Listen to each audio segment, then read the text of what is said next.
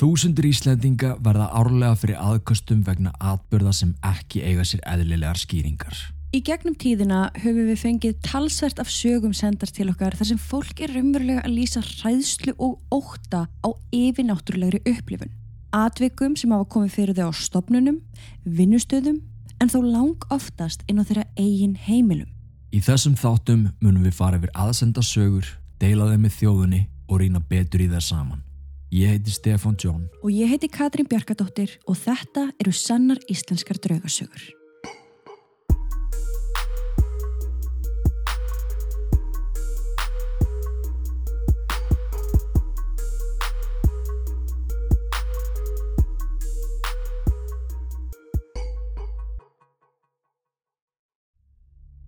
Áður en við byrjum er rétt að taka fram að sögurnar sem teknar eru fyrir í þessum þáttum eru ekki í neittni ákveðni tímaröð sem þeir eru sendar okkur, heldur af handahófi. Eftirfarandi sögur eru sannar og koma frá fólki úr öllum stjettum þjóðfélagsins. Allt eru þetta mismunandi einstaklingar á mismunandi aldri. En allt þetta fólk á það sameigilegt að hafa lendi í einhverju yfirnáttúrulegu og það hér á Íslandi. Orðalagi og uppröðun hefur lítilega verið breytt til þess að koma sögunni sem best til skila en að öðru leiti eru frásagnirnar nákvamlega eins og þær bárust okkur. Sögurnar verða sagðar í fyrstu personu eins og þær eru skrifaðar og eftir hverja sögu munum við Katrín taka östuðt spjall. Saga 1. Heimavistinn Ég var 16 ára og var að byrja í mentaskóla.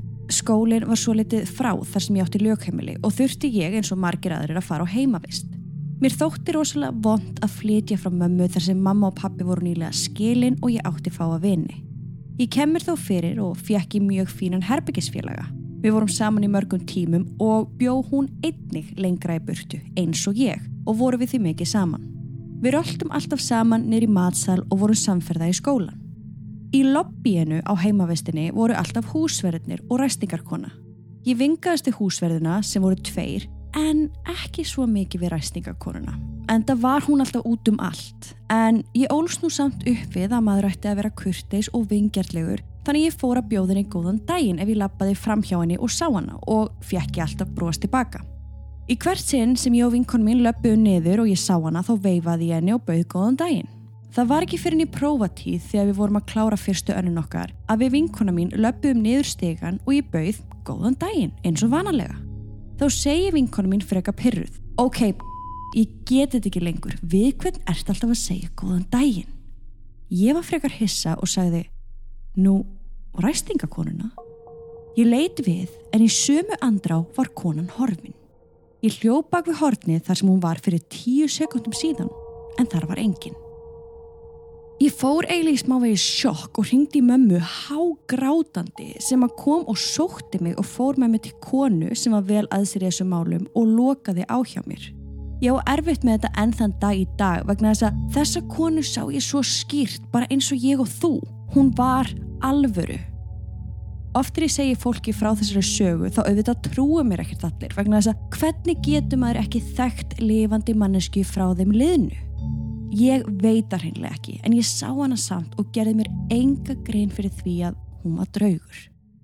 Ári eftir þetta atvik þá spjalla ég við húsverðina og segi þeim frá þessu og fjakk þá að vita að ég væri alls ekki svo eina sem hefði séð Stínu.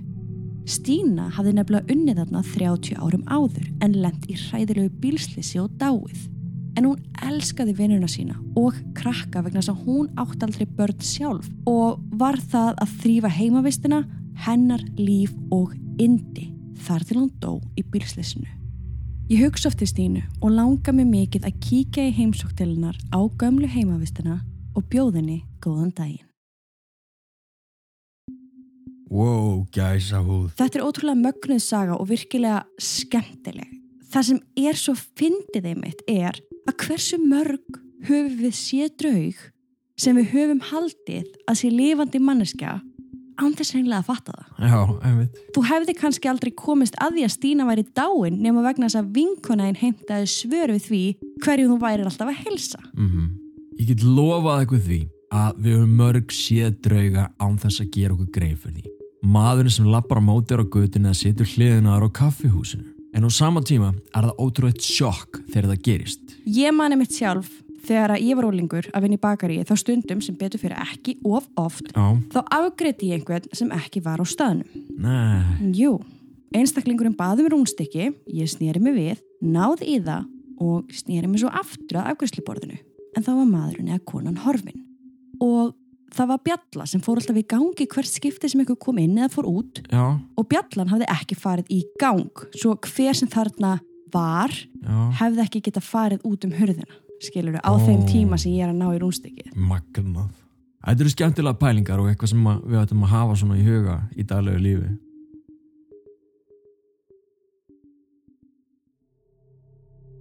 Saga 2. Skuggarnir og Jens.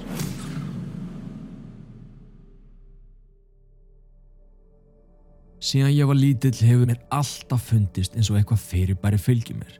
Ég er með nokkur atvik sem ég vil taka fram fyrir ykkur hér.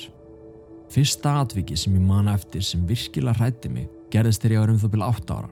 Sem krakki bjóð ég með mömmu minni og tveimur eldri systrum í blokkaríbú. Ég deildi herbergi með mömmu og var með kói fyrir ofan rúmið hennar. Ég var vanur að sopna með hurðina smá opna og heyrði yfirleitt í mömmu eða systri mínu frammi og oftast sjónvarpinu en þetta tiltekna kvöld var óvinni hljótt frammi. Ég man ekki alveg nákvæmlega ástæðuna fyrir þögninni en mín besta ágiskun var að mamma hafi skroppið ekkert í smá og systur mínar þá cirka 15 og 18 ára hafa líklegast verið í sínum herbergjum. Ég átti erfitt með að sopna þar sem ég heyrði ekki í mömmu eða í sjónvarpinu svo vanalega heldur bara í tifinu frá klukkunni sem var alla leiðin í eldhúsi. Ég hlustaði á hvernig klukkan tifaði og eftir dágóða stund fór hljóðið að gera mig órólega. Hægt og rólega fannst mér tifið verða herra og herra og síðan fór það að hljóma meira eins og fótatak frekar en tif. Ég fór að vera mjög hrættur og ætlaði að kalla á sýstu mína en kom engu upp út af hræðslu.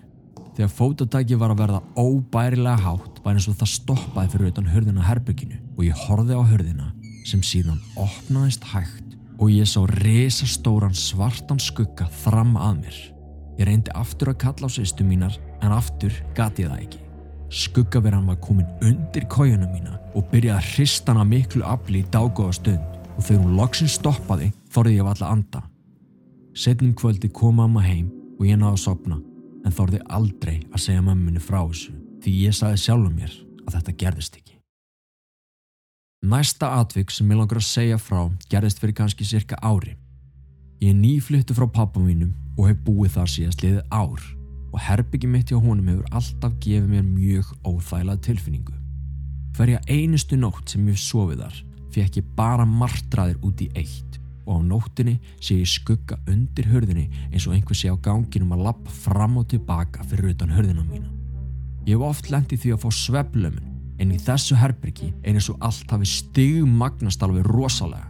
Flesta næti sem það kom fyrir að ég fekk sveflömun voru það bara stórir svartir skuggar sem að stóðu yfir mér og ég er orðin vanur svoleiðis og kipi mér svo sem ekkert upp við að lengur en sum kvöldin er þetta miklu verra. Eitt kvöldið var ég að hlusta á plötur í plötuspilanum mínum sem var til fóta á rúminu mínu. Svo ég ákvaða að snúa öfugt eins og lína lánsökur svo plötuspilanum væri við höfum mitt þegar ég lá. Þannig ég geti bara slögt á plötuspilanum þegar ég væri að sopna. Mér fannst þetta mjög sniðugt og gerði þetta oft en þessa nótt vaknaði ég við eitthvað hljóð eins og djúb rödd að raula hægt annarkvort undan rúminu mínu eða bak við hillina sem plötuspilanum var á. Hvort sem það var þá opnaði ég augun og ætlaði að setjast upp til að sjá en fattaði sinna að ég gati ekki hreift mig. Eftir smá stund var raulið herra og breytist í hálgerðan hlátur. Ég fann andadrátt á enninu mínu og sá síðan mjög krumpaða hendi koma hægt í áttina að mér og þar á eftir sá ég andlit gamals manns með glóandi gul augu og þá byrjaði að svitna á hræðslu og reyndi svo ég gata að færa mig en síðan opnaði maðurinn munnin og hló og sagði ég er eitthvað. Ég get ekki muna hvernig hann endaði setninguna og það fyrir rosalega í taugarnar á mig svona eftir á. En ég var meira spáði að komast út úr þessum aðstæðum heldur en að hlusta á hann. Eftir að hann sagði þetta hló hann ennþá hærra og greip fast utan um hálsin á mér og þrengdi að á meðan hann hló hátt og ég fann hvernig allur líka með mig byrjaði að hristast upp og niður og rúmið mitt með. Þegar ég náði loksins að setjast upp, heyrði ég enni honum hlæja svo ég kveikt á lampanum mínum og sati gott korter áður en ég þorði að leggjast niður aftur. Þennan gamla mann hef ég séð svo oft að ég og vinkona mín höfum byrjað að kalla hann Jens og alltaf þegar eitthvað fyrir niður á við í lífinu mínu þá grínust við það að það hafi bara verið Jens. Mér langar að bæta við einu sem að gerðist bara um daginn og mér fannst mjög áhugavert. Ég fór í bókabúð og kifti mér nokkra bækur og einn þeirra var um miðilshæfileika því ég mikinn áhuga á svoleiðis hlutum. Sama kvöld og ég kefti þær vaknaði ég við að ég heyrði djók spiladós sem ég hefði keft í kólabortun einhverju dögum áður farið í gang þar sem trúður poppar upp þegar maður snýr handfangi. Ég var með sængina yfir augunum mínum og sáð því ekki hvað var að gerast en fann síðan eins og einhver mjög þungur hefði skriðið í rúmum mitt og ofan á mig. Ég náði að færa sængina aðeins niður og sá þá að sköggin sem var á mér skreið brussulega að plötuspilarna mínum þar sem ég hefði satt bækurna mína sem ég keft um daginn. Hann fór niðan á gólfið og snýri sér að mér og sló síðan harkala í bókinu mínum auðvitað miðsæfileikana. Sko, þetta eru rosalega sögur Mhm. og með þeim óökulegri sem ég hef heyrt sko, fyrst svarti skuggin Já. sem kemur að þér þegar mamma einn skrapp frá og síðan þessi eldri maður sem verðist ráðast að þér og síðan svarti skuggin sem slæri í bókina Þetta er eiginlega bara rosalega óhugulegt. Þú tekur ekki fram sjálfur en líklega startu skegg og sérð anda daglega. Þú segist vera orðin vanur ímsu en á sama tíma veldi ég því fyrir mér hvort þú sérst búin að fá einhverja hjálp til þess að halda þessum verum í skefjum því það er ekki eins og þær sé að aðstofa þig í lífinu þær eru frekar að ráðast að þér eins og ég sagði áðan. Já, einmitt. Það er engin hjálp í þessum möndum. Nei, Bara vond. Ég er jafn forvitin og þú að vita hvað Jens sagði við þið þarna um kvöldið. En skiljanlega eins og þú segir þá varstu frekar að reyna að koma þér út úr þessum aðstæðum frekar hann að hlusta á einhvern gamlan ókvæmlegan draug. einmitt. Takk fyrir að deila með okkur sögunni henni og ég vona innilega að þessar ásóknar sé að róast hjá þér og ég veit að það er vissulega erfitt að vera svona skært ljós sem andar hérna þann notfæra sér í alls konar tilgangi en þú veist, ég er náttúrulega bara að dæma núna á einni sögu sem Já. ég veit ekki hver þú ert. Nei, nei, ég veit ekki hvernig lífið þú lifir. Einmitt. en þetta er ógulegt og þetta er, þetta er ofbeldi og þetta er eitthvað sem þú átt ekki að venjast. Nei, þannig að ég vona innilega að þú sérst að fá einhverja hjálp til þess að díla við þetta svo þú getur bara haldið þínu venjulega lífi áfram. Við erum hér engungu til þess að upplýsa fólk, en ekki rífa upp gömul sár. Við segjum söguna eins og hún er, því hvort sem fólki er líka betur eða verð, þá gerðist þetta hér, á þessu litla landi okkar. Við vorum fyrst til að fara með ykkur á staðinn og leif ykkur að upplifa draugagangin með okkur í rauntíma, nákvæmlega eins og hann er. Við erum með sönnunagögn sem engin annar á Íslandi hefur náð. Það er ástæða fyrir því að við erum fremst í flokki þegar að kemur að draugagangi á Íslandi.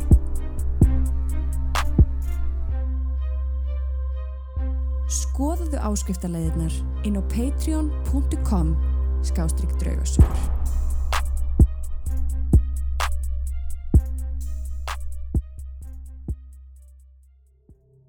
Saga 3. Konan í þjóðbúningnum Ég hef ekki verið mikið eldri en 6-7 ára þegar ég ligg upp í rúmi að fara að sofa. Mamma mín var búin að líta inn til mér nokkur sinnum og minna mig á að ég ætti að vera farin að sofa. Ég var tiltrúlega nýbyrjuð að sofa í mínu eigin rúmi svo fristingin að læðast upp í tímum og pappa var óbærileg en mamma ætlaði ekki að gefa sig og fór hún ekki sjálf að sofa fyrir en ég sopnaði sem ég gerði lóksins á endanum.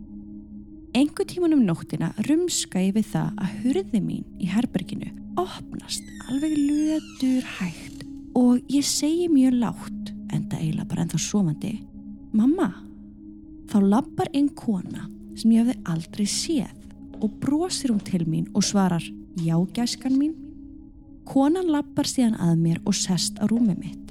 Ég man svo skýrt hvern hún leit út.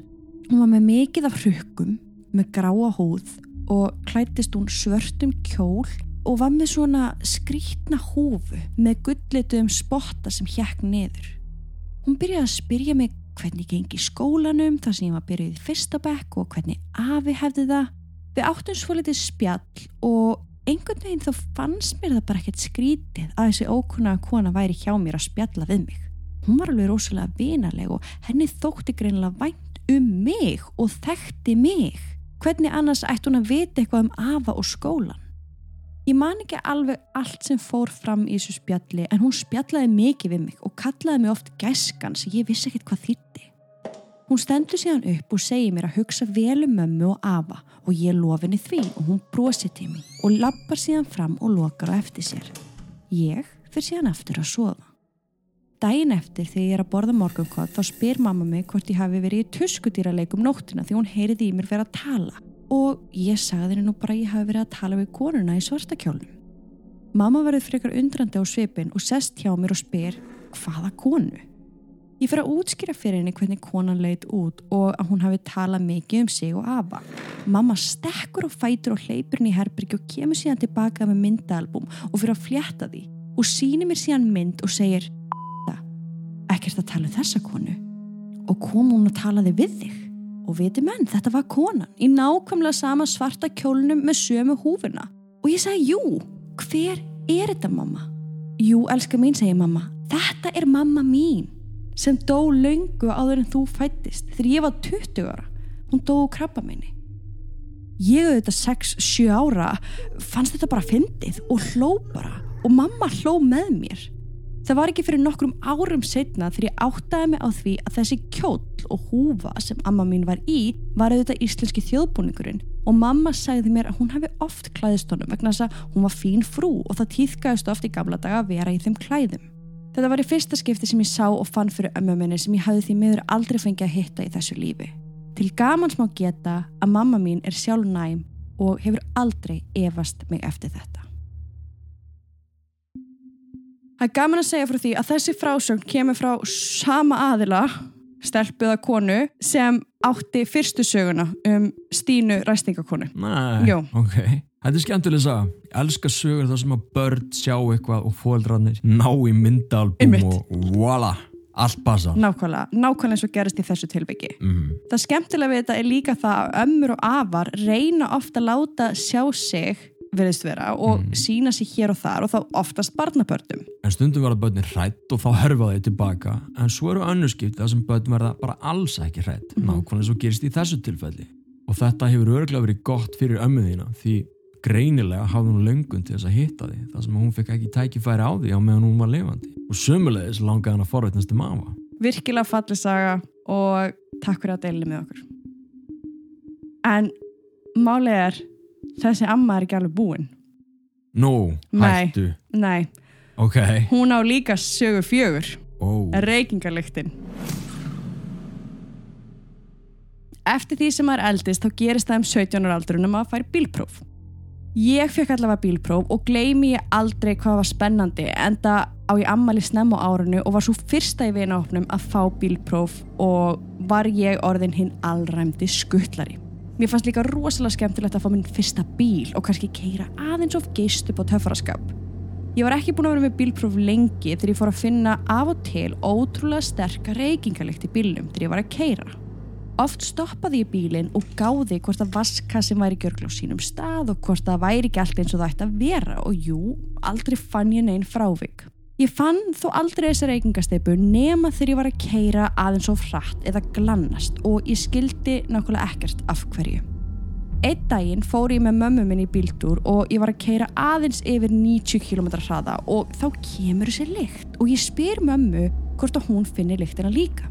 Mamma jankar því í róliheitum og segir að þetta sé amma mín. Mamma mömmu sem dó áður en ég fættist þegar að mamma var 20 ára. Ég skildi fyrst ekki alveg hvernig mamma vissi þetta en þá sagði hún að amma hefði alltaf verið bílhrætt og væri að byggja mig um að fara varlega því hún kæmi oft upp í bíl hjá sér líka og myndana á. Amma vísti reykti eins og strompur og var alltaf rosalega sterk reykingalegt af henni. Í dag keiri ég mjög varlega og fer ekki yfir hámarksraða viljandi.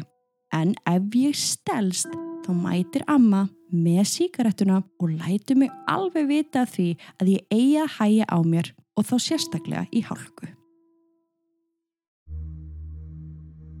Þetta er góður og vingjallegur andi. Ég er að dyrka þessa ömmu. Ó já.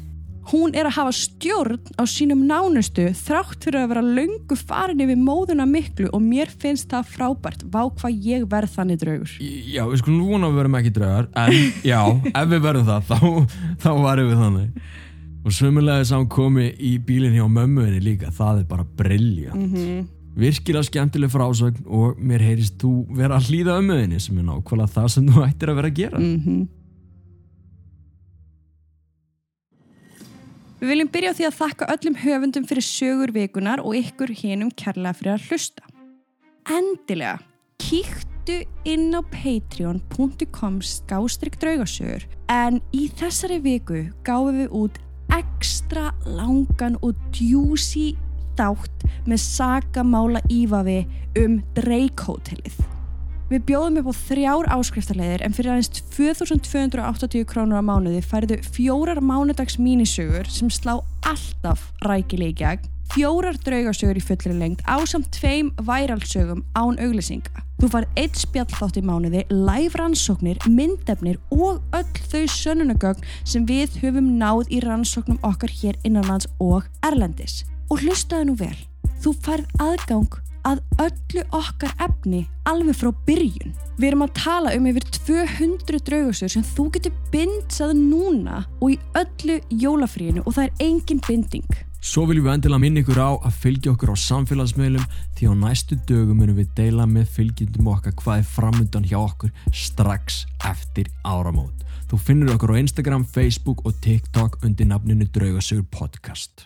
Sannar íslenska draugasögur er vikulegt hlaðvarp sem kemur venjulega út á förstu dögum klukkan 12 á hádegi svo lengi sem okkur halda áfram að berast sögur frá ykkur í gegnum draugasögur at draugasögur.com mert aðsendarsögur. Takk fyrir að hlusta og þanga til næst.